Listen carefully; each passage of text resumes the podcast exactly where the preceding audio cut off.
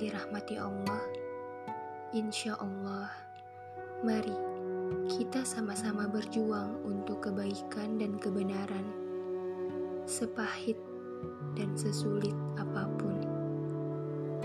Bersatulah dalam jamaah, sebenci dan sekecewa apa pun, karena berjamaah lebih baik daripada sendiri. Doa bagaikan pedang, dan seni berdoa mirip dengan seni menggunakan pedang. Pedang yang tajam itu penting, tapi jauh lebih penting orang yang memegang pedang itu. Maka, pedang yang tajam yang tergenggam kuat dengan tangan dingin seorang pemberani yang digunakan pada waktu dan sasaran yang tepat itulah yang akan mematikan musuh. Namun, jika salah satu dari unsur itu tidak efektif, maka selamanya doa itu tak akan menghasilkan pengaruh apa pun. Sekarang, sudahkah kita menguasai seni menggunakan pedang yang bernama doa, terutama untuk dakwah ini? Allahu Akbar. Biarkan lelah mengajarkan pengorbanan dan kesabaran. Biarkan kecewa mengajarkan keteguhan dan kekuatan. Biarkan sakit mengajarkan keikhlasan. Ikhwa filah, jangan ragu dengan jalan dakwah ini.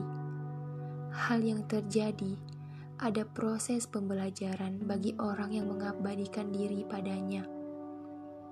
Maka, jika engkau merasa lelah, jika engkau merasa kecewa, sakit, larilah padanya. Segalanya adalah pelajaran yang kita kenal dengan tarbiyah. Belajarlah untuk melakukan sesuatu dari hati yang terilhami kecerahan Al-Quran dan hadis. Jangan bersedih, karena harapan itu masih ada.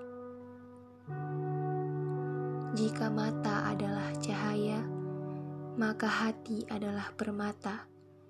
Saat bahagia merona, maka tawa adalah warna. Apabila senyum adalah ibadah, maka kata maaf adalah penghapus segala dosa.